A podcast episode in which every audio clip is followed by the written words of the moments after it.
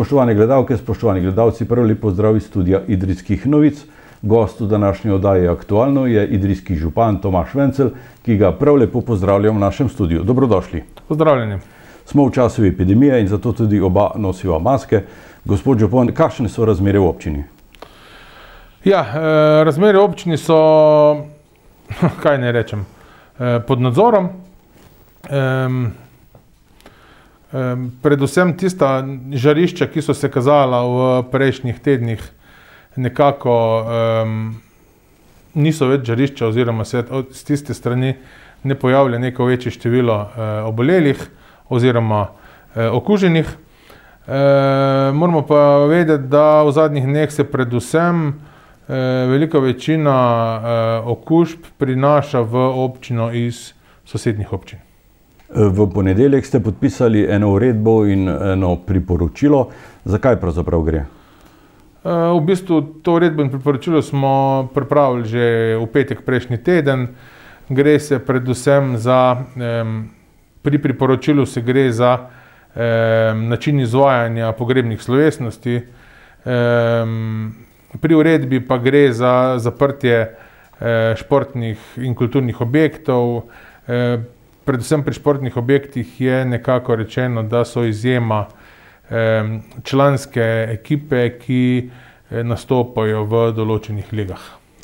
Pogrebne slovesnosti bodo v teh razmerah potekale nekoliko drugače. Ja, pogrebne slovesnosti bodo potekale na način, ki je predpisan, se pravi, eh, določeno število ljudi, potrebna socialna distanca, kako se eh, sam, bi rekel, eh, krobljenje oziroma posl, po, tist poslovilni del pred pogrebom izvaja, pač neka pravila, ki mislim, da so zelo podobna, kot so bila že v, bomo rekli, pomladanskem delu tega, te epidemije. Uredbo je sopodpisal poveljnik civilne zaščite Boštjan Brelih. Pomeni to, da ste aktivirali občinski štab? Ja, načeloma smo se aktivirali, ampak v neki zoženi, zoženi sestavi. Um, Zaenkrat um, pač delujemo v tem ožjem, ožjem, ožjem, št- ožji štab deluje. No? E, Če bo pa potreba po um, razno raznih akcijah, kot je bilo v pomladanskem času, od um, koordiniranja prostovoljcev, um, oskrbovanja ljudi iz, iz um, razno raznimi potrebščinami, pa potem gremo naprej tudi eh, z ostalimi člani, ki pač so že spomladi skrbeli za to stvar. V pomladnem delu ste skrbeli predvsem za sanitetni material, za zaščitni material. Je tega sedaj dovolj? Eh, ja, načeloma ga imamo dovolj, em, se pravi, občina ga ima nekako na zalogi v primeru, če bi komorkoli začel em, primankovati. Drugače so se pa in same cene tega materijala zaščitnega in tudi same dobave so se em, cene znižale, dobave skrajšale, tako da em, vsaj kar je trenutno videti, ni kakšnih problemov z oskrbo s tem materialom.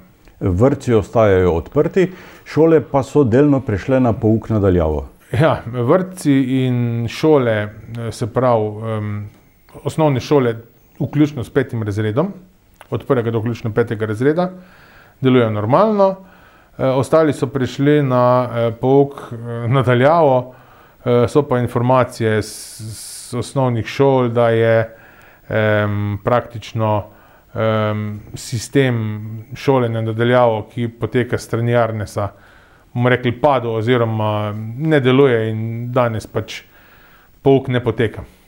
Ima občina lahko pri tem kakšno rešitev? Občina neke konkretne rešitve nima. Ne. E, zdaj, ali, ali drugi ponudniki, ali em, pač počakati na to, da bo Arnes stvar vzpostavil em, do te mere, da bo delovala. Ne vem pa, če iskreno povedano, kaj so počeli zadnje 3-4 mesece, ko so imeli čas stvar urediti. Ja, to se sprašujejo tudi naši gledalci.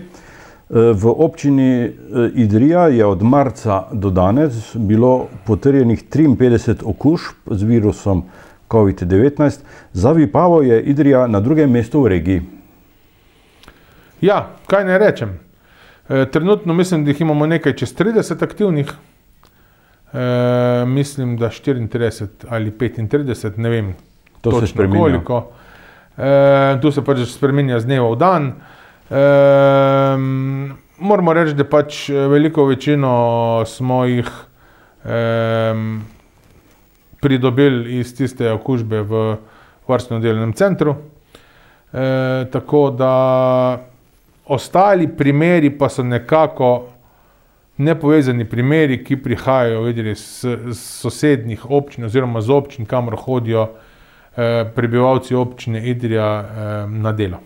Velika sreča je, da v domu upokojencev ni okužbe. Ja, bi potrkal, če bi bil kakšen les, um, upajmo, da do tega ne bi prišlo. Eh, Vsekakor razmišljamo v smeri, kje vzpostaviti neke rdeče cone, če bi bilo to potrebno. Um, ideje so takšne in drugačne, zdaj sicer ne bi šel o tem, ampak nekako imamo uh, pripravljeno varianto, če bi bilo to potrebno. Vsi pa močno, močno, močno upamo, da do tega ne bi prišlo. E, Živimo v času krize. Kako sodelujete odgovorni med seboj? V pomladnem delu epidemije ste imeli redne konference s podjetji, z zdravstvenim domom. Kako ste organizirani sedaj? Um, stvar se od pomladi ni še nič spremenila. Mi smo se tudi v času, ko je bila stvar bolj mirna, razen takrat, ko je bil naj, bi rekel, največji čas dopustov, um, videli in slišali dvakrat tedensko. Um, tudi danes smo se že slišali ob 11. uri, tako da um, v bistvu informacije, ki so um, nam um, vsem dostopne, smo si jih izmenjali se pogovorili o določenih stvareh, kako in kaj v določenem primeru, in nekako um, se poslovili do četrtka, ko se spet slišimo, in vedno pa si pač sami sebi um, rečemo, da v primeru karkoli se zgodi, je pač telefon tista stvar, po kateri komuniciramo in se potem uh, pač stvar uh, odvija naprej. Ob zaprtju športnih in kulturnih dvoran smo dobili pravzaprav tudi zaprtje v programskem smislu kulturnih in športnih programov. To bo vsekakor vplivalo na kakovost življenja. Ja, definitivno. Um, mislim, vsem nam je žal, da je do tega prišlo. Ne? E, moramo pa nekako um, po eni taki logiki reči, ne moramo otrokom, ki do povdne ne hodijo v šolo, popovdne pa jih pa vabiti na um, neke športne in druge dejavnosti. No.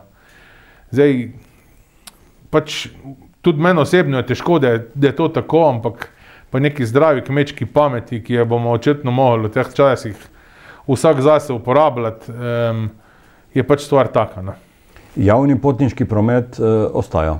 Zaenkrat ni nobenih um, indicov, da bi se karkoli spremenilo na tem področju. Kaj bi povedali našim gledalcem ob koncu? Ja, kaj bi rekel, da, kot sem že rekel prej, um, pozdravi kmečki logiki, idemo uh, delovati, um, zaradi tega, ker mislim, da skozi, skozi en pameten razmislek uh, bomo največ dobrega naredili. No. Jaz osebno sicer moram reči na koncu to, da uh, izredno me žalosti um, v teh zadnjem dnevu in pol, um, ta neodločenost oziroma nevednost, komu naj, koga ne vprašamo, eh, predvsem um, o zaprtju gostinskih lokalov v naši regiji. Um, imamo stojneno obrazložitev, ki pa v končni fazi nobena ne drži vode do konca. Ne? V uradnem listu še nismo razglašeni za rdečo regijo, Tako da načeloma lokali so lahko odprti, kljub temu, da mogoče po zdravi kmečki pameti bi bilo boljše, da so zaprti. Eh, gospod Župan Tomaš Vencel, hvala lepa za pogovor in obisk v našem studiu. Hvala lepa in lep pozdrav vsem skupaj. Vam, spoštovani gledalci in gledalke, pa hvala za pozornost.